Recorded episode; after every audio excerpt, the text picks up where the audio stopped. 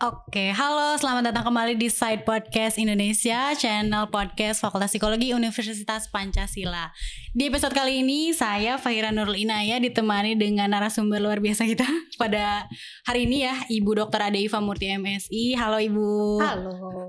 Ibu boleh mungkin Bu nyapa teman-teman pendengar podcast uh, Side Podcast Indonesia ini ke kamera, terus uh, mungkin boleh uh, sekalian cerita memperkenalkan diri ibu terus juga mungkin boleh cerita sedikit mengenai kesibukan ibu belakangan ini selain mengajar mungkin Oke, okay, halo uh, pemirsa ya, apa pendengar pendengar pendengar pendengar saya podcast, saya podcast Indonesia, saya Ade Iva Murti. Uh, terima kasih sudah mengundang saya. Jadi um, saya dosen tetap Fakultas Psikologi Universitas Pancasila. Uh, kalau mau ditambah kenalan agak panjang-panjang dikit ya paling cuma mengenalkan saya dekan Fakultas Psikologi Universitas Pancasila 2015-2019. Saat ini kayak waktunya banyak sekali tersita untuk penelitian dan menulis buku. Tentu saja selain mengajar iya. di kelasnya. Iya. Ibu Kasema ya. Ya lebih banyak uh, penelitian, menulis buku dan uh, menjadi narasumber itu nggak habis-habisnya. Iya. Demikianlah kira-kira. Banyak yang rangkaian webinar-webinar ah, untuk iya, narasumber iya, Sudah, sudah. Betul banget.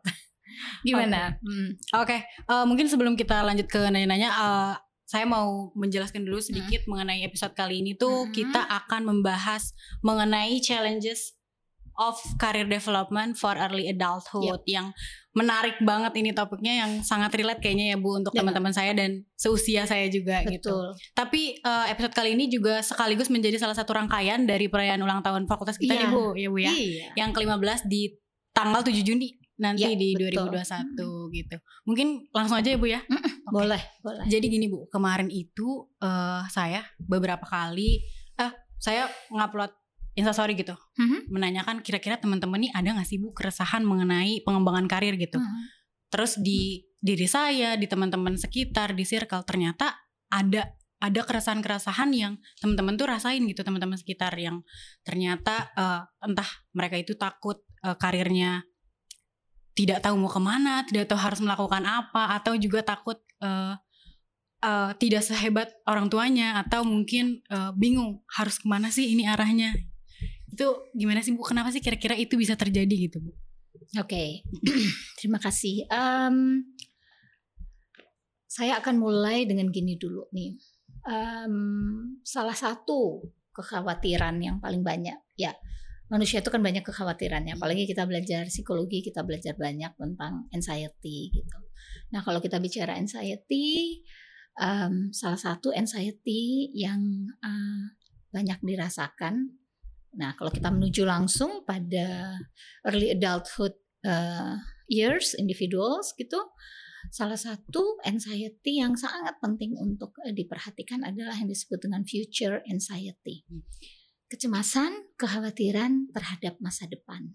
Itu bahkan oleh para ahli psikologi disamakan dengan death anxiety sama okay. dengan kecemasan kita akan hmm. kematian. Nah, kalau disebut sebagai future anxiety bagi uh, Fahira dan teman-temannya itu antara lain ada beberapa yang tapi yang paling kencang gitu hmm. adalah kecemasan terhadap karir, hmm. ya kan? Iya, yeah, ya. Karir gue apa? Gue mau jadi apa? Betul yeah, tadi. Bener. Emang gue bisa nggak sih? At least gue nyamain orang tua gue deh gitu, ya nggak usah hebat-hebat amat gitu, tapi nyamain yeah. lah paling, paling tidak. Itu. Kemudian yang kedua apakah gue akan bisa punya karir impian? Mm -hmm. semua orang punya karir impian gitu kan ya? Ketiga apakah karir gue tuh nanti sesuai nggak sih sama sekolah gue sekarang? Yeah. gitu Fahira. Gitu ya. Nah uh, future anxiety ini normal. Ya normal dalam artian we can have it gitu boleh kok kamu boleh punya itu malah kalau kamu nggak punya itu artinya kamu nggak mikir artinya kamu nggak peduli hmm. sama masa depan kamu nah jadi kalau seandainya ini teman-teman kamu terus uh, suka bilang sambil ketawa-ketawa mungkin karena ya ya saya juga belajar dari anak-anak saya yang early anak saya kan satu early adulthood hmm. juga jadi iya. saya juga kadang-kadang suka ngeliat ah ini kenapa begini ya dia sama teman-temannya gitu kayak eh udah deh gitu kan gitu ah udah deh nanti aja mereka mengatakan itu because they feel anxiety. Hmm. gitu loh. Jadi sebenarnya kalian seperti itu kan karena kalian tuh eh gimana ya masa depan gue? Gitu. Nah itu satu step gitu yang saya harus jelaskan. nah, kemudian bagaimana kalau udah punya anxiety-nya, terus what should we do? Gitu. Sebelum kita ke arah sana, yuk kita bicarakan dulu sebenarnya yang kalian khawatirkan itu, yang kalian pikirkan itu, it is called in psychology dengan karir. Hmm. Gitu. Okay. Jadi kira-kira kalau Fahira paham nggak karir, hmm. bedanya karir sama pekerjaan? Oke, okay, iya paham. Iya kan? Hmm. Bedanya karir sama pekerjaan gitu. Nah, nanti ada lagi yang disebut dengan profesi. Iya. Gitu. Nanti di nanti kalau udah lebih tua lagi ada yang namanya jabatan. Gitu ya. If you call it career, career itu artinya kata dasarnya karir aja itu adalah kereta kuda sebenarnya. Chariot itu kereta kuda. Chariot kemudian jadi karir. Jadi artinya yang disebut dengan karir itu um, uh, para para pemirsa, para pendengar sekalian adalah sebuah perkembangan terus menerus, gitu ya. Dan semua per, sebuah perkembangan terus menerus dari dunia pekerjaan dan bisnis seseorang kalau kita lihat begitu artinya karir itu ada pathnya, ada jalannya dan ada progresnya. Harus progres, maju, maju. Uh, step by step, step by step gitu ya. Nah, ini sangat penting sebenarnya dipahami oleh para anak-anakku yang early adulthood gitu. Ini kan early adulthood tuh 18 sampai 30 itu terutama yang hmm. emerging gitu. Itu biasanya lagi idealis-idealisnya yeah. gitu, gitu kan ya. Yeah. Lagi semangat-semangatnya, hmm. semangat kerja, semangat cari calon pasangan hmm. hidup gitu ya. Kemudian juga semangat membedakan diri dari orang tuanya. Yeah. Jadi biasanya kalau kasus-kasus yang saya temui misalnya gue pokoknya orang tuanya bisnis gue nggak mau mirip sama orang tua gue gue mau jalan sendiri dulu gitu. Jarang gitu yang early adulthood akan bilang ya gue mau ikut orang tua gue gitu. Nggak nggak hmm. nggak gitu. Biasanya kalau bisa gue beda gitu. Gitulah ciri-cirinya ya. Nah oleh karena itu kalau ada pertanyaan-pertanyaan gimana sih ya bu? Gitu kan kamu tadi pertanyaan iya. gimana sih bu? Hmm. wajar nggak sih bu? Pertama saya jawab wajar gitu ya. Kemudian yang harus kalian pikirkan dari sekarang sebenarnya ada di satu titik nanti kalian harus ngambil yang disebut dengan career decision. Career keputusan decision. karir. Your career decision ini akan menentukan the whole path of your career gitu loh. Jadi keseluruhan karir kalian itu memang akan ditentukan dari keputusan-keputusan yang kalian ambil saat-saat usianya uh, Fahira dan teman-temannya mm -hmm. saat ini between 18 sampai 30 gitu loh. Nah, kira-kira kurang lebih okay. gitu ada lagi. Nah, kira-kira untuk career decision ini gimana sih Bu kita bisa nentuin kalau oh ini tuh karir yang tepat gitu buat saya tuh itu tepat itu gimana sih Bu? Oke. Okay. Cara menentukan. Betul, betul sekali. Jadi memang ada sebenarnya beberapa hal yang harus dipikirkan mm -hmm. gitu loh ya. Jadi maksudnya career decision itu bukan sesuatu yang hmm, udah banget lah diambil gitu. Yang penting ada lagi yang pakai kata ah yang penting lo udah sekolah di tempat yang baik gitu. Oke. Okay. Untuk otomatis pasti mm -hmm career decisionnya akan mudah enggak hmm. juga hmm. ya ada beberapa yang harus kalian ingat ketika mengambil uh, keputusan karir hmm. gitu yang sangat berpengaruh itu pertama disebut dengan pengalaman ya pengalaman pengalaman dari biasanya kan kamu ngambil keputusan karir misalnya kamu kira-kira selesai umur 22, 22 lah 22 iya. 22 pengalaman kamu bersekolah tuh udah 12 tambah 4 tahun 16, 16 tahun, tahun gitu. Nah, pengalaman hmm, menempuh pendidikan 16 tahun itu uh, sangat menentukan keputusan karir yang kami kamu ambil. Hmm. Nih sekarang kebalikan dikit tuh. Coba saya yang dengerin deh pengalamannya Fahira. paling tidak bagi menempuh kuliah di sini aja deh gitu paling tidak. Apa yang kira-kira menurut kamu pengalaman yang apa ya yang menentukan gitu. Coba cerita sedikit deh. Pengalaman yang menentukan bu, aduh, ya, apa ya? Kira-kira bukan pengalaman yang menentukan lah, paling nggak pengalaman yang menurut kamu um, itu berpengaruh terhadap kamu. Oh. Gitu. Mm -mm, ya. Mungkin ini sih bu di organisasi. Oke, okay, gimana? Di organisasi pada akhirnya jadi oh ada beberapa hal yang kayaknya saya cocok untuk bekerja di bidang ini, bekerja di bidang yang hal-hal yang gak saya sukain itu saya temuinnya di organisasi hmm, gitu. Hmm, hmm, saya bisa melakukan ini, saya nggak bisa melakukan itu, itu ada di organisasi saya kurang di sini, saya kurang di situ. Itu yang akhirnya saya temukan yang kayaknya kalau nanti saya berkarir di bidang ini, saya malah jadi tersiksa sendiri gitu atau oh ini saya senang banget ngelakuin ini kayak gitu Bu paling dari organisasi sih Bu. Exactly itu penting banget. Nah, ini yang sebenarnya teman-teman kamu tuh harus dengar tuh ini gitu. Seperti ini pengalamannya Fahira gitu bahwa uh, kalau saya ada pengalaman seperti ini bu gitu. Ya hmm. betul betul banget. Jadi pengalaman kamu uh, misalnya di organisasi kemudian juga menjalani berbagai mata kuliah itu kok gue nggak cocok ya sama ini kok gue cocok ya sama ini gitu gitu iya, loh iya, mata kuliah itu juga mata kuliah gitu. Nah itu memang disebutkan oleh banyak ahli academic experience kamu itu akan sangat uh, membantu gitu. Jadi sebenarnya yang perlu dilakukan ya kamu terbuka sama diri sendiri hmm. gitu ya, gitu para pendengar uh, terbuka pada diri sendiri bahwa gitu, bahwa ada hal-hal yang memang uh, kamu suka dan tidak hmm. kamu suka. Ada hal-hal yang sesuai minat kamu, ada hal-hal yang sesuai dengan kamu tertarik dan sebagainya. Jadi nggak perlu at least sama diri sendiri nggak perlu bohong okay. gitu ya ha-ha, itu satu pengalaman yang kedua katanya adalah selain pengalaman adalah uh, ini ada uh, titik-titik penting gitu di dalam sebelum kamu ngambil decision itu hmm. ada titik-titik penting yang sangat mempengaruhi hmm. gitu ya ada peristiwa-peristiwa penting mungkin yang sangat mempengaruhi. Kalau tadi kan keseluruhan kayaknya gue gimana ya pengalaman gue hmm. gitu. Yang kayak seperti tadi uh, Fahira bilang di organisasi Bu saya merasakan diberi hmm. masukan, mendapatkan kritik, harus menjalankan organisasi dalam situasi pandemi dan sebagainya dan sebagainya. Nah, mungkin ada titik-titik tuh ada peristiwa-peristiwa yang saya nggak tahu peristiwa apa gitu yang pasti everybody itu punya peristiwa yang iya, beda-beda yeah, lah gitu. Nah, Mungkin Fahira bisa cerita nggak ada peristiwa-peristiwa yang menurut kamu itu mempengaruhi banget. Kalau saya misalnya ya, kalau saya waktu waktu saya harus career decision yang S1 misalnya adalah uh, saya menemukan bahwa oh saya itu ternyata kuno ya gitu. Jadi ada satu peristiwa gitu, diskusi segala macam yang membuat saya agak oh ternyata saya kuno karena saya tidak memikirkan untuk oke saya berkarir dulu, saya malah memikirkan misalnya untuk berumah tangga dulu gitu. Hmm. Nah, mungkin ada seperti itu. Termasuk misalnya kamu bertemu dengan orang yang uh, membuat kamu jatuh cinta, hmm. dia juga jatuh cinta sama kamu gitu. Terus you feel like you cannot go on with your life without him gitu. Misalnya, ini bukan sok mesra-mesra romantis-romantis tapi ini ya kenyataannya itu ya kayak gini gitu. Misalnya itu menjadi hmm. pengaruh titik-titik itu ya. ya atau hmm. misalnya ada orang bilang orang tua saya meninggal. Hmm. Ya, ini kan sesuatu yang harus dihadapi yeah. gitu.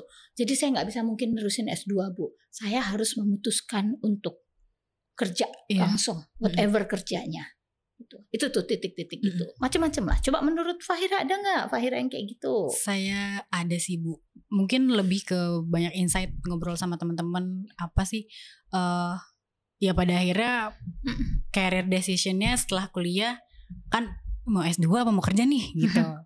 yang paling terdekat biasanya itu sih Bu. Cuman setelah kayak dipikirin, wah di rumah nih tanggungan banyak gitu. Terus uh, udah jelas juga kayak kalau kuliah juga bingung nih. Maksudnya nggak nggak pengen banget uh, kuliahnya nanti dibiayain orang tua pengennya yaudah pengen biayain sendiri. Jadi oh dari ngobrol-ngobrol dari sekarang juga mulai-mulai nyari misalnya nanya-nanya sama kakak-kakak tingkat gitu uh, ya udah pengennya mungkin mulai berkarir milih kerja setelah lulus gitu. Cuman uh, ya itu sih ya, karir yang seperti apa? Karir seperti apa yang masih yang mana ya gitu. Nah, karena banyak banget kan bu okay. pilihannya. Jadi ini yang ketiga. Hmm. Yang ketiga itu disebut self awareness. Ya. Hmm, Jadi yeah. kesadaran diri. Kesadaran diri itu tentang apa? Tentang kekuatan kamu, kelemahan kamu, dan nilai-nilai yang kamu punyai. Nah kita nanti nih kalau udah bicara nilai itu it's gonna be different. Kenapa? Karena semua orang tumbuh dalam lingkungan yang beda. Yeah.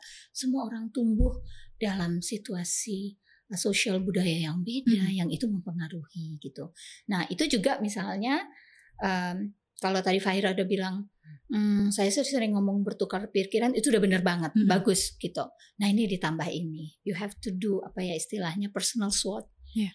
Kamu cek kekuatan kamu di mana hmm. gitu kan misalnya ada orang saya kekuatannya bahasa Inggris saya tuh jago banget bahasa Inggris pokoknya jago banget hmm. tapi saya nggak suka menganalisis ya coba kalau udah saya tuh nggak yang kayak gitu kalau saya tuh orangnya ada masalah diselesaikan ada masalah diselesaikan oh oke okay, oke okay. jadi orang seperti itu mungkin lebih cocok ke mana gitu? jadi psikolog profesional kali ya gitu karena orientasi hmm. dari para psikolog adalah menyelesaikan persoalan klien misalnya boleh boleh gitu tapi ada orang yang memang wah saya tuh senangnya baca teori saya senangnya hmm. membangun pemikiran mencari mencari cari gitu. masalah gitu, riset gitu, riset. Gitu. Ya beda lagi hmm. gitu ya. Jadi artinya bikin pemetaan kesadaran diri kamu itu juga menjadi sangat penting. Artinya ketika kamu mengambil career decision itu kan career decision itu termasuk kapan mau mulainya kapan mau mulai karir hmm. itu, kemudian kamu bersedia menjalani karir yang seperti apa hmm. gitu ya. Dan kemudian bagaimana dengan faktor-faktor lain, misalnya kita kita ini kan manusia yang uh, punya kewajiban-kewajiban sosial dan budaya membentuk rumah tangga, hmm. membentuk keluarga, iya, gitu kan, yeah. membantu orang tua hmm. dan hidup dalam masyarakat sebagai individu sosial. Hmm. Nah, jadi semua itu diramu gitu, dipikirkan, dipetakan untuk mendapatkan career decision, decision yang terbaik menurut kamu dalam konteks your early adulthood years. Itu menurut pandangan saya. Oke, okay, jadi career decisions itu ada tiga poin lah ya Bu yang bisa kita apa ya jadi patokan lah yang pertama sih pengalaman, pengalaman. tadi terus titik-titik yang dalam kehidupan tuh yang akhirnya oh kayaknya ini kayaknya nih ini, gitu ya Bu ya. Gitu. Kalau disebut aha momen bisa gak sih Bu si titik-titiknya? gitu loh. Artinya aha ini juga termasuk yang trauma-trauma iya. juga kan misalnya seperti iya, iya. itu gitu. Bisa yang baik, bisa yang buruk gitu ya Bu. Iya, Dan yang terakhir sih self awarenessnya. Gitu kira-kira seperti itu. Ya, Jadi ya, gak mudah sih, nggak mudah. Tapi you have to do it misalnya sekarang kamu tuh kira-kira semester depan udah skripsi, yeah. itu udah harus mulai untuk dipikirkan yeah. gitu. Hmm. Karena um, career decision itu yang kamu ambil sekarang itu akan sangat berpengaruh terhadap hidup kamu beberapa tahun yang akan datang. Gitu, at least 10 tahun hmm. ke depan itu akan sangat dipengaruhi oleh keputusan kamu sekarang. Tentu kamu tidak mau ambil keputusan yang kemudian membuat kamu menyesal, hmm. gitu ya, iya. karena yeah. Uh, keputusan itu benar-benar harus atas berdasarkan berbagai pertimbangan dan nanti ketika kamu sudah mengambilnya apa ya istilahnya kalau saya bilang kamu bertanggung jawab mm -hmm. atas semua resiko dan konsekuensinya gitu loh. Yo, okay. apalagi. Jadi uh, selain nanya-nanya ke teman-teman, saya hmm. juga sempat nanya ke alumni hmm. FSUP hmm. nih Bu, apa hmm. sih gitu. Kemarin setelah lulus tantangannya, kesulitan yang ditemukan hmm. tuh apa? Apalagi masa Covid gini kan Bu. Hmm ternyata uh, dari awal mm-hmm. lowongan yang sesuai apa lowongan karir yang sesuai mm-hmm. sama apa mm-hmm. yang dijalani itu memang sudah kecil sedikit ya, gitu. Betul. Ditambah sekarang COVID, COVID pandemi. semakin mm. uh, sulit, semakin sempit banget mm-hmm. gitu kesempatannya. Itu menurut pandangan Ibu gimana sih Bu? Uh, mungkin apa ya? Uh, apa yang bisa dihadapi atau cara-cara gimana sih kita nanti pas mau lulus nih terus bisa uh, ya itu tadi bisa career decision bisa career decision dengan, itu. baik gitu hmm. ya oke okay. bagus pertanyaannya jadi memang itu wajar ya itu bagian dari future anxiety tadi yang yeah, kita bicarakan nah uh, kalau saya ingin mengingatkan dulu pertama gini tapi sebenarnya dulu saya selalu mengingatkan uh, mahasiswa saya adalah bahwa uh, dunia karir itu dunia karir uh, dunia pekerjaan nanti hmm. yang akan kamu jalani itu sangat dipengaruhi oleh perkembangan industri. Oke. Okay. Ya, hmm. perkembangan industri dan perekonomian. Nah, oleh karena itu um, apa sih yang mesti diambil nih langkah? Kalau saya bilangnya kenali dulu dunia industri dan perekonomian itu. Dunia industri dan perekonomian itu punya dinamika yang beda dengan di kampus ini. Okay Hmm, nilai-nilainya beda, beda.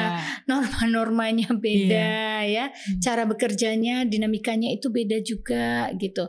Bukan sesuatu ja- jadi gini kalau orang suka menyalahkan, abis sih kalau pendidikan itu eh, perguruan tinggi nggak pernah memikirkan cocok atau enggak dengan eh, dunia industri. Hmm. Lah memang lembaga pendidikan itu bukan Berbeda. bukan tujuannya menghasilkan buruh yang kemudian bruk dimasukkan ke dalam dunia industri, Hmm. tetapi kalian kita or, eh, kalian sebagai mahasiswa gitu memang dididik dalam satu institusi yang menyiapkan kalian untuk ready to be trained gitu loh.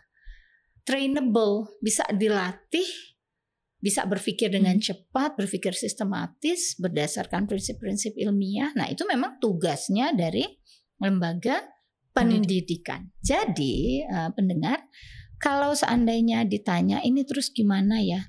Kita harus seperti apa? Itu tadi pertama, kenali dulu dunia industri. Kalian mau masuk di mananya? Sebenarnya kadang-kadang bukannya tidak ada lowongan itu, tapi kadang-kadang ini cara berpikirnya udah tuh ya? Oh. Udah udah kayak pakai kacamata kuda nggak mau lihat yang lain-lain lagi dan sebagainya. Mungkin gitu ya? karena tadi yang ibu sempat bahas yang mengenai kita di usia yang idealis cukup idealis itu ya bu ya. betul, Nyambung ke betul. situ ya bu ya. nyambung banget. Jadi udah ada kayak gue maunya, Maunya apa? gue maunya. Hmm. Ah, kalau udah gue maunya ini kan padahal ya ini harus disampaikan. Jadi yang ke pertama tadi itu kenal dulu dunia uh, perindustrian itu seperti apa gitu ya. Eh, karena ketika Anda mengenali itu, Anda nanti juga akan bisa menanyakan, betul nggak dibutuhkan pendidikan Mm-mm. tambahan Oke. untuk masuk ke dunia itu, Oh oke. gitu. Mm-mm. Betul nggak sih gitu. Jadi jangan menganggap bahwa wah gue belum S2 nih jadi gue S2. Eh, kalau saya akan bertanya lagi, kamu mau jadi dosen Mm-mm. atau mau jadi apa? Enggak sih bu, saya cuma mau kerja aja. Tapi kayaknya kalau kerja di perusahaan kalau nggak S2 nggak dihargai. Kata siapa? Nah Hmm. ini artinya nggak kenal dunia itu, Iya. ya gitu ya. Jadi kenal dulu. Butuhnya apa? What kind of competence yang dibutuhkan oleh si dunia industri yang mau kamu masuki? Dunia industri sendiri kan luas. Mm-mm. Kamu mau masuk industri hiburan gitu ya? Maksudnya misalnya ingin uh, bekerja jadi artis atau pengen bekerja di dunia Iya. uh, entertainment atau apa nih gitu? Atau anda benar-benar ingin masuk di dunia industri manufaktur? Akan beda lagi. Beda gitu. Jadi semua. betul betul menyiapkan diri untuk tahu itu. Nah, yang kedua adalah your first time job itu bukan menentukan bahwa kalian akan melakukan itu seumur hidup. Seumur. Nah, Oh, ini yang iya. kadang-kadang Mm-mm. banyak yang nggak paham. Pokoknya saya nggak mau bu, soalnya kalau kerjaan saya nggak mau saya eh, cuma eh, disuruh eh, ini aja pekerjaan administrasi. Your first time job itu sebenarnya fungsinya adalah untuk kamu belajar dunia industri. Oke. Kamu belajar tapi kamu dibayar. Ngerti gak? Iya. Ya kan? Kalau kamu sekolah lagi kan kamu bayar. Hmm. Nah ini enggak, kamu dibayar kan? Mm-mm. Kamu belajar tapi kamu dibayar. Itu yang pernah saya sampaikan kepada salah satu alumni kalian Hmm. gitu. Keluhannya adalah Bu capek banget, mesti belajar hal-hal baru, nggak banyak. Saya bilang kamu beruntung. Kalau orang lain dia harus masuk eh, sekolah pasca sarjana nano-nano dan dia Iya. bayar ratusan em, Puluhan, puluhan ya, juta puluhan. per semester. Mm-mm. Kamu nggak belajar, nggak keluar satu Mm-mm. rupiah pun, tapi kamu malah dibayar, dibayar, dikasih fasilitas. Hmm. Iya ya bu, belajar hal-hal sederhana, misalnya di sini di di mana-mana kan kita Iya. fakultas psikologi nggak ngajar misalnya bikin payroll. Iya. Nggak ada. Padahal ketika kamu masuk jadi staf HRD di Mm-mm. satu perusahaan, salah satu yang diminta dari kamu adalah tolong Faira bikin payroll ya, gitu. Ini gimana lagi bikin payroll yang nggak pernah belajar, Iya. gitu. Belajar, curi Mm. ilmu dari orang-orang yang lebih tua yang udah lebih ahli. Mm. Macam-macam. Misalnya juga kalau di sini kan belajar memakai alat ukur, interpretasi dan sebagainya. Tapi di sana ternyata buat mereka kantor misalnya nggak butuh itu. Yang Hmm. mereka butuhkan itu adalah keterampilan kamu wawancara untuk mampu dengan cepat melihat ini eh, calon ini kira-kira tukang tipu atau atau bagus atau gimana. Iya. Nah, kita kan nggak belajar, bukan Hmm. karena kita nggak ada di kurikulum lah. Memang itu nggak nggak harus jadi kompetensi kita gitu. Hmm. Nah, belajar di dunia itu. Jadi first time job para pendengar, tolong dipahami itu sebagai proses belajar. Dua tiga tahun pertama itu adalah proses anda belajar. Betul-betul oh tahu. Nah kemudian bisa juga bertanya pada akhirnya di situ, kayaknya gue nggak cocok deh di HRD. Hmm. Atau bahkan mungkin cocok banget. Saya punya kenalan yang sampai sekarang juga tetap S1 Hmm. tapi jadi ahli Human Resources and Development dan sekarang sudah menjadi direktur HRD di sebuah di sebuah holding company Hmm. sangat besar persis seperti yang saya katakan ini. Jadi kayak kamu waktu itu masih kecil dia dia masuk dari bawah belajar cuma bikin payroll terus Hmm. terus belajar bikin absen terus gitu aja Hmm. sampai sampai saat sekarang sudah menjadi direktur HRD dari satu holding company besar saya nggak bisa sebut namanya Hebat banget. hebat luar biasa dan masih S1 Hmm. dan gak pernah sekolah-sekolah nambah lagi tapi persis seperti saya kayak bilang setiap kali dia di perusahaan dia belajar dia belajar betul dia curi ilmu dari sini dia Hmm. curi ilmu dari situ dia jago banget jadi sebenarnya nah your first time job itu tadi it doesn't mean akan jadi Hmm. bisa saja misalnya Fahira setelah 2-3 tahun kayaknya gue nggak cocok Hmm. tapi gue udah paham nih tapi gue nggak mau ngerjain ini gue mau Melakukan yang lain. nggak nggak Hmm. nggak apa-apa silahkan gitu loh tapi you have portfolio sekarang Oke. dan Hmm. portofolio itu sangat berguna sebenarnya itu loh antara lain yang Oke. anda harus siapkan gitu jadi eh, apa pun yang kalian alami dalam first, first time job dalam artian yang baik ya maksudnya dalam pekerjaan yang memang pekerjaan eh, profesional halal dan sebagainya itu sangat dibutuhkan untuk kamu next bergerak next.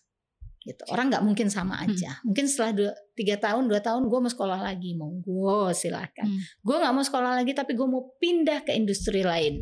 Silahkan gitu. Tapi kamu udah punya bekal. Hmm. Tapi eh, kalau misalnya nih Bu di Hmm. dua tiga tahun pertama eh, ternyata memang oh ini ini sesuatu yang menjanjikan lah dalam apa dalam aspek materi misalnya Bu. Tapi gak nggak sesuai gitu Bu yang tadi. Tapi ada tanggungan juga. Jadi kayak kalau dilepas sayang itu gimana Bu menurut pandangan Ibu? Kalau dilepas sayang tapi eh, saya nggak nggak misalnya aduh nggak nggak 100% deh menjalaninya gitu Bu. Kadang ada kan Bu yang kayak Iya, gitu. iya. kuncinya kalau orang psikologi bilang self management kan Oke. self management kalau menurut saya Fahira gitu loh ya self management dalam artian begini kita nggak bisa dalam hidup ini kita nggak bisa memiliki semuanya dengan sempurna Iya. Punya pekerjaan yang kita sukai Hmm. gitu. Uangnya banyak banget dari situ gitu. Sempurna Kemudian, sekali, ah, sempurna sekali hidup ini. Kemudian dari situ kita bisa mengembangkan diri gitu. Itu kali cuma ada di surga nggak ada. Pasti udah ada. Pekerjaan ini saya senang sekali tapi bayarannya kok kecil. Ah, Hmm. udahlah itu biasa. Nah kalau saya tetap kuncinya menurut saya self management artinya terutama pada 10 tahun pertama dari Hmm. karir kita kita kalau berdasarkan banyak penelitian 10 tahun pertama dari karir itu memang kamu harus uh, selain belajar Hmm. nomor dua adalah kamu harus menata diri harus memanage diri dengan baik supaya kamu masih bisa meraih kesempatan yang lain gitu ya jadi Oke. selain belajar Hmm. kamu contohnya misalnya ini juga ada kasus seperti itu misalnya pendapatan dari situ tuh sangat ya itu kayak Iya. kamu bilang sangat menjanjikan, Menjanjikan. dan kemudian memang memenuhi semuanya gitu ya Hmm. Em, tapi ya gitu Berat gitu kamu kok nggak suka kerjaannya gitu dan pekerjaannya juga nggak menarik buat kamu nah itu Hmm. makanya saya katakan self management self management di situ ada time management Oke. nah atur waktu dengan baik atur sumber-sumber kekuatan kita dengan baik Hmm. misalnya kesehatan Iya. gitu ya jangan pulang ke rumah udah gitu udah ah udah tepa udah nggak bisa ngapa-ngapain gitu Nggak- habis di jalan gitu waktunya. habis di jalan dan sebagainya. Makanya saya bilang self management Mm-mm. gitu ya. Misalnya, em, oke kalau seperti ini saya coba jalani gitu, tapi karena misalnya dengan ini saya bisa menyekolah menyekolahkan adik-adik saya yang tujuh orang itu, misalnya gitu, Iya. gitu Bisa ya. jadi Bu ada yang Nah, seperti 12 itu. orang gitu 12. misalnya. Jadi kamu ya udah nggak apa-apa. But saya harus atur waktu, Mm. atur diri, atur kesehatan supaya saya tetap sehat. Karena saya suka menari, misalnya Mm. saya suka banget nih nari suka banget dan I'm talented halo Iya. gitu misalnya saya tuh kalau nari semua orang akan lihat dan semua orang akan kagum semua Hmm. orang emang kagum atur waktu dong, atur diri kamu.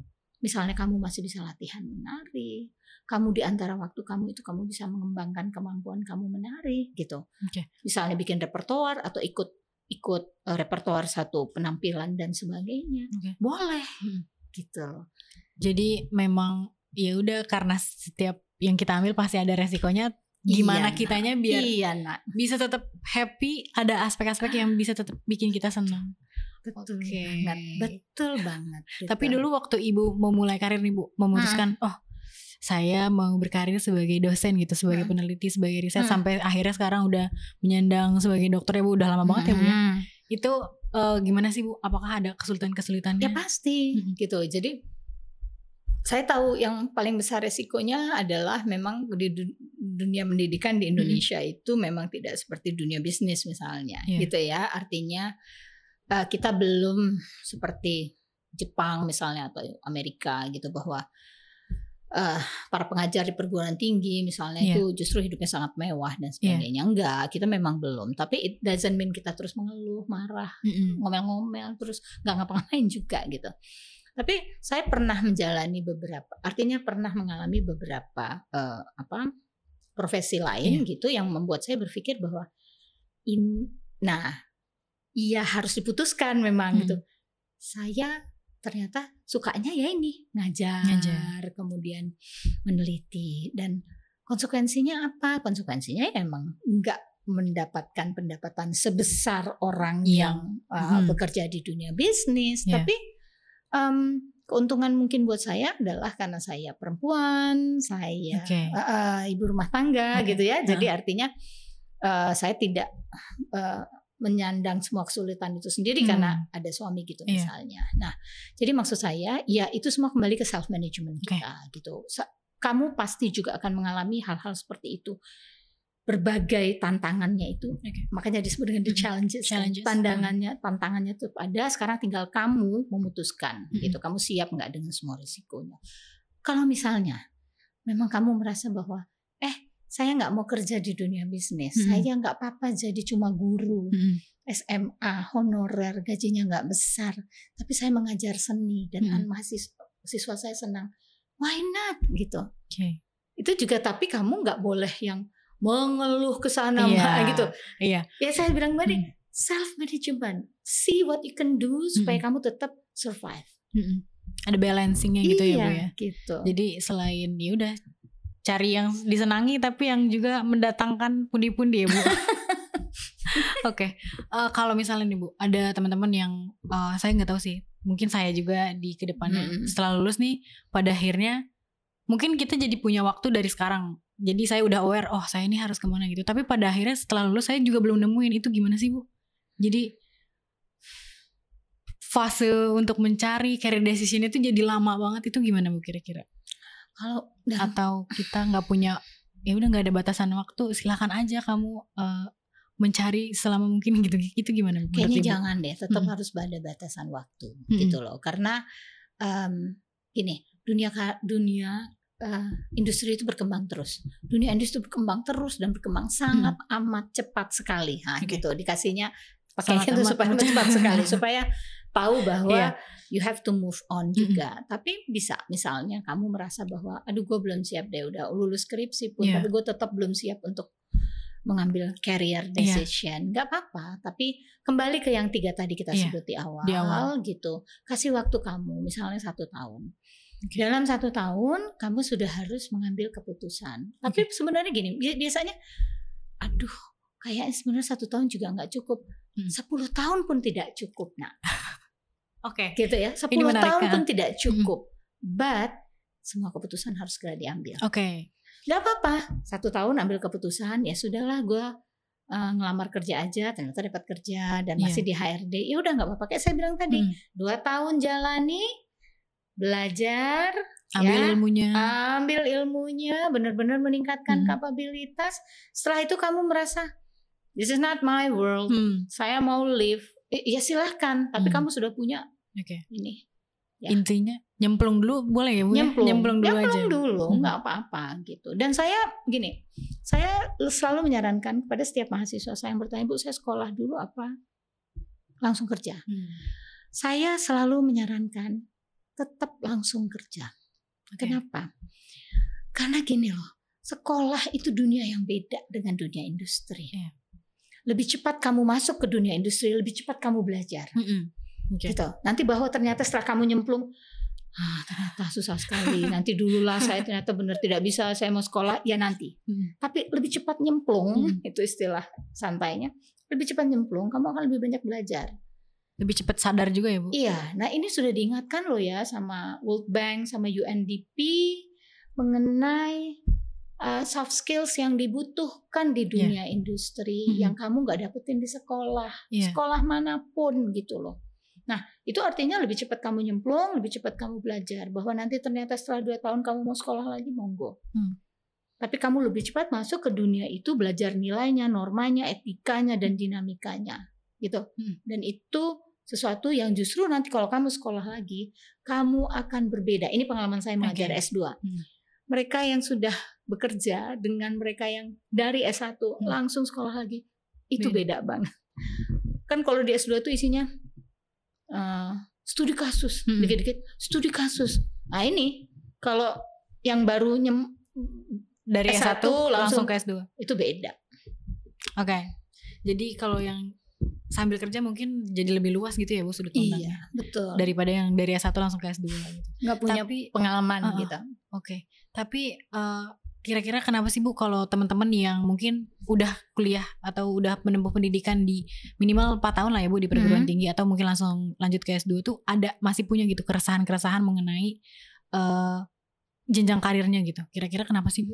Iya, mungkin karena memang uh, tidak saya rasa rata-rata universitas hmm. itu memang tidak mem bekali dengan terbuka. Okay. Nah, membekali dengan terbuka kenyataan yang harus dihadapi di dunia industri dan karir itu gitu loh. tidak okay. membekali hmm. dengan terbuka. Padahal anak-anak butuh itu. Tapi saya sih tidak menyalahkan universitas mana pun, universitas hmm. negeri sekalipun ya hmm. mereka lebih peduli pada uh, semua universitas ini kan lebih peduli pada ininya kontennya Konten. gitu ya, lebih peduli, peduli hmm. pada hard skillnya itu. Misalnya kalau psikologi ya lebih peduli pada what is psychology terus yeah. belajar psikologi kayak apa dan sebagainya tapi bahwa dibutuhkan uh, kemampuan untuk uh, memulai mengambil keputusan karir itu kan memang tidak diberikan sebenarnya yeah. di, di semua perguruan tinggi oleh karena itu kalian kayak berenang-renang nggak tahu mau ke mana yeah. gitu ya kan mm. makanya resah itu makanya tadi saya katakan um, sangat penting gitu kalau misalnya kalian mendengar hal-hal seperti yang podcast kita yeah. sekarang atau ada webinar dan sebagainya yang mengajak untuk bagaimana cara mengambil career decision. Hadir deh dengarkan. Hmm. karena biasanya dari situ nanti ya ada masukan-masukan seperti yeah. ini yang seperti ibu sampaikan. Hmm, apa yang harus kalian lakukan? Jadi okay jangan cemasnya dipelihara ya cemas itu mah normal lah ya. Future kan saya udah bilang future and justru harus ada ya Bu. Justru harus ada ntar kalau nggak ada cemasnya terus jadi kalau uh, kaum rebahan yang ya udahlah gitu aja HP aja sehari HP aja gitu ya terus hmm. rebahan lagi hmm. dari jam dari hmm. jam berapa sampai jam rebahan tiba-tiba jam 10 malam melek karena nggak ngantuk iya. terus malah dugem saya kayak gitu-gitu gitu jadi boleh resah hmm. tetapi itu yang paling penting sebenarnya hmm. adalah anda merencanakan betul okay. gitu ya anda merencanakan betul mengevaluasi self awareness tadi yang personal SWOT, hmm. coba personal SWOT, ingat semua yang sudah ada. Nah, usahakan untuk pelan-pelan berdialog dengan diri sendiri. Okay. Lihat saya suka apa dan sebagainya. Berdialog dengan keluarga, dengan teman-teman dan buka mata. Hmm. Lihat macam-macam industri. Ini sekarang orang lagi semuanya kan industri saham nih. Yeah. Ya udah, lagi coba belajar. Ha, semua hmm. orang sibuk belajar. belajar aja. It doesn't mean kamu harus jadi pemain saham, yeah. enggak ya, tapi hmm. belajar. Okay. Itu kayaknya bukan gue deh. Ya udah nggak apa-apa, tapi kamu tahu kan. Udah tahu. Gitu. Okay. Udah, jadi kamu nah, lihat yang lain. Jadi artinya keep on moving gitu hmm. ya. Oke. Okay. Terus uh, mungkin kalau saya sendiri sih Bu, pertanyaan-pertanyaannya tadi saya udah cukup sangat menjawab lah sama Ibu gitu ya. Hmm kira-kira dalam perkuliahan ini Bu, apa sih aspek yang paling penting banget yang harus dilakuin supaya kita tuh siap gitu, terjun ke dunia apa ya, ke pengembangan karir kita yang nantinya semakin baik gitu. Aspek yang kalau apa? Mm, aspek yang kalau misalnya di perkuliahan ini nggak kita lakuin nih, gagal kita lakuin, tapi akhirnya jadi jadi berbahaya, jadi berdampak buruk buat nanti karir kita ke depannya itu kira-kira apa sih Bu? Ya itu menyeimbangkan hard skill dan soft skill. Hmm, nah, oke. Okay. Kalau hard skill kan kita ya memang hard skill lah kayak kamu di kelas saya gitu yeah. uh, belajar insos gitu, yeah. belajar apa belajar apa iya. psikologi yeah. bisnis apa itu namanya hard skill. Hmm. Ya, ya itu emang udah lah nggak usah dibicarain.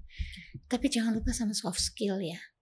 Soft skill itu adalah hal eh, hal-hal atau keterampilan, pengetahuan yang memang uh, tidak diajarkan secara khusus, hmm. tetapi kalian harus berusaha untuk dapatkan. Yeah. Satu contohnya sebenarnya yang kamu sebut tadi, kan kamu jadi kasema, yeah. memimpin organisasi. Yeah. Apa coba kasih tahu ke saya keterampilan apa atau cara berpikir apa yang menurut kamu paling berharga kamu temukan? Hmm, kalau saya yang paling saya temukan jadi ini bu. Tadi aspeknya sebenarnya udah ibu sebutin ini eh, self awareness. Oke. Okay. Saya jadi apa ya? Uh, jadi semakin apa jadi cepet banget gitu untuk oh ada ada permasalahan ini ini karena apa ya kok perubahan misalnya suasana lagi rapat kok berubah ya apa saya yang tadi nadanya berbeda atau kok responnya jadi kayak gini ya Pinter. jadi kayak gitu bu terus kedua Lagi. mungkin uh, komunikasi hmm. gitu kan hmm. komunikasi ini saya beda banget bu komunikasi ke uh, teman-teman ke hmm. kakak tingkat ke tingkat ke rekan di beda hmm. fakultas hmm. mesti di, ke pimpinan fakultas ke pimpinan fakultas ke uh, staf akademik ke bagian bagian-bagian yang ada di fakultas itu semua jadi kayak oh bahkan ke satpam dan OB juga saya oh iya. Okay, ini komunikasi yang sangat hmm. oh akhirnya apa ya jadi semakin meluas gitu hmm. gitu bu aspeknya. Apalagi satu lagi coba. Satu lagi mungkin ini uh, jadi saya lebih ini ya apa ya sebutannya mungkin mediasi jadi memiliki saya, kemampuan uh, memediasi iya, sesuatu. Mm, gitu. Jadi ada permasalahan apa pasti semua koordinasi ke saya gitu bu. Jadi oh oke okay, nggak bisa kita biarin lama-lama. Jadi kita harus oke okay, apa yang harus kita selesaiin dulu? Kamu ini kenapa nih? Ayo kita mungkin bisa diurai satu-satu jadi personal approach-nya malah iya, lebih bagus iya iya bu, ya, betul itu sekali. jadi sebenarnya banget. itu itu udah disebut saya bisa tambahin kayak responsibility. Responsibility ya bu Jadi ini kan di dunia industri nanti kamu nggak responsibility, kamu ditendang langsung yeah. ya. Responsibility, mm -hmm. kemudian risk taking. Risk taking nah, juga ini ya, juga so. kita itu apa ya berharga banget tuh yeah. kamu belajarnya. Um, selain komunikasi tadi juga, kemudian optimisme optimisme ya saya iya bu kalau mau boleh cerita sedikit aja oh, gimana gimana uh, optimisme di saya di kepala sebagai di ketua semuanya itu kalau saya sendiri ngerasa pesimis dikit aja itu ternyata ngaruh banget bukan sama semua orang kan? semua kan? hmm, karena kan betul. saya terus ada di anak-anak yang menjalani program kerja saya ngerasa ragu itu nggak keucap bu maksudnya dari saya doang itu di diri saya sendiri ke bawah ke vibes nah. jadi kayak oh ternyata jadi leader harus punya optimisme yang ya udah bisa ya, kamu ya. tularkan ke bawah ke bawah itu gitu. Iya dan siap memang hmm. bahwa kita ngambil keputusan orang nggak suka, orang menghujat ya, ya itu anggap ini aja lah gitu ya karena hmm. kita harus belajar juga untuk uh, sebagai pimpinan memang mengambil keputusan-keputusan yang barangkali tidak disukai semua orang. Hmm. Jadi kalau saya itu kalau cuma kamu fokus pada hard skillnya susah. Mm-hmm. Jadi memang betul sekali kalau bisa pas kuliah ikut organisasi. Kalau nggak ikut nggak suka ikut organisasi bu di kampus males mm-hmm. misalnya kan ada orang seperti ada. itu nggak apa-apa di luar lah. Mm. Di luar ikut apa kek gitu ikut sesuatu yang membuat kamu belajar mm. ya bukan belajar hard skillnya tapi belajar itu tadi komunikasi memimpin mengambil keputusan optimisme bertanggung jawab kayak gitu gitu loh mm. yang hard, uh, soft skill seperti itu. Mm, dan soft skill ini sebenarnya sama nilainya sama hard skill itu. Oke. Okay.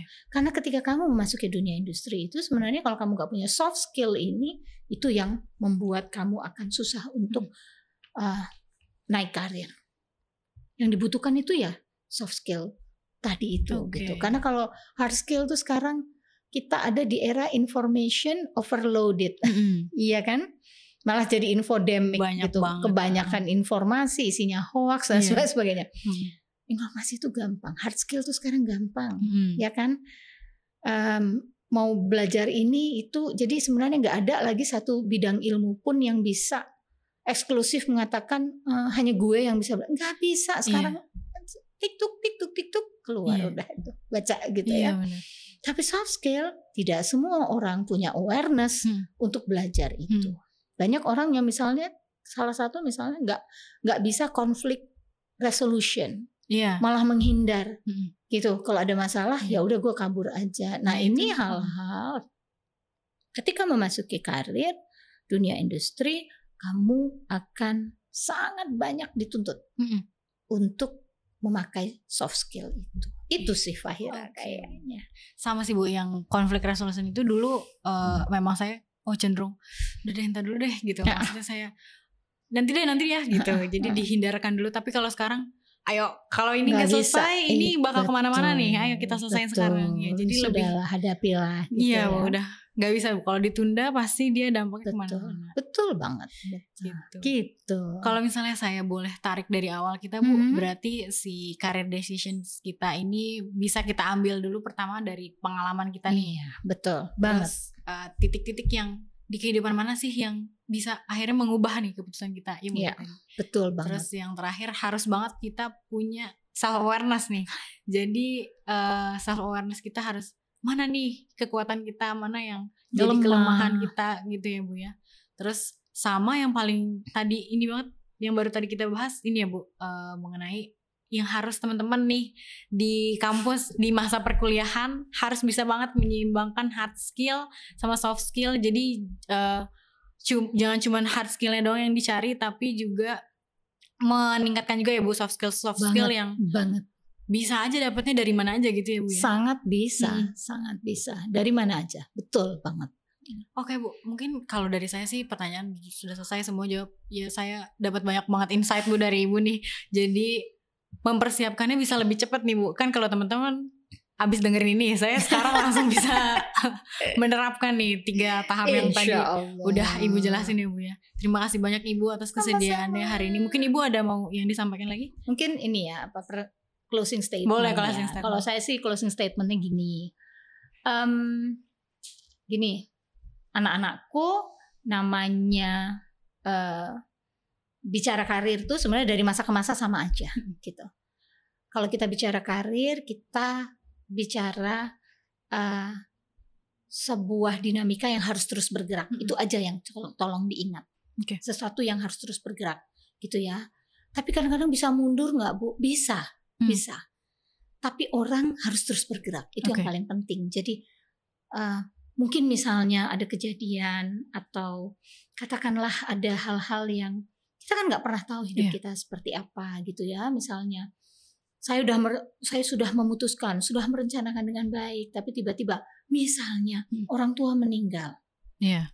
dari tadi semua yang udah ideal apa segala macam amblas hmm. semua hmm. Hmm, boleh take your breath gitu kemudian uh, gimana ya bersedih boleh jangan lama-lama hmm. move on. Karena okay. disebut dengan karir itu adalah kereta kuda kalau yeah. bahasa aslinya. It means move on move on. Ayo hmm. gimana? Jadi apa yang bisa dilakukan? Saya harus merubah apa gitu ya. Jadi um, semua pendengar yang usianya terutama di bawah ibu terutama yang early adulthood years gitu yang penting adalah kata kuncinya cuma tiga. Satu belajar dua belajar tiga belajar satu belajar dua, dua belajar, belajar tiga, tiga belajar. belajar the time you said that you ah aku nggak mau belajar lagi kamu berhenti tumbuh kembang okay. ya begitu kamu nggak mau belajar begitu kamu bilangnya oh gue udah tahu ini kok hmm. selesai jangan pernah begitu oke okay. tapi kamu oh iya gue harus belajar ya ya belajar terus terus, terus. oke okay. insya Allah pasti maju pasti bergerak terus ke depan karirnya ya Oke, okay. thank you Baik Fahira. Ibu, terima kasih banyak diskusi kita sore ini seru banget Bu, insightful. Terima kasih banyak Ibu atas kesediaannya untuk sama, mengisi topik yang sangat menarik hari ini yang semoga bisa ini bisa menjadi insight juga buat teman-teman yang mendengarkan side podcast sore hari ini. Gitu mungkin uh, itu aja yang bisa saya uh, sampaikan hari ini. Sampai jumpa kembali di episode Side Podcast Indonesia channel podcast Fakultas Psikologi Universitas Pancasila. Terima kasih banyak Ibu. Thank you. Terima kasih juga Fahira. Okay, Terima kasih juga pendengar. Thank you.